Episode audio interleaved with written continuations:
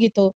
Atau Oh, aku memang nggak pernah kayak gitu atau aku sendiri yang halu? Aku nggak pernah halu kayak kau sama sekarang gadis-gadis yang tiba-tiba komen, aduh rahimku anget, aku geli sendiri. Sumpah aku geli, kau jangan sampai lah kayak gitu gitu. Aku nggak pernah bilang rahimku anget sih, cuman aku pernah komen di di Instagram cowok Korea yang menurut aku itu cowok aku terus aku sayang hmm. aku gitu.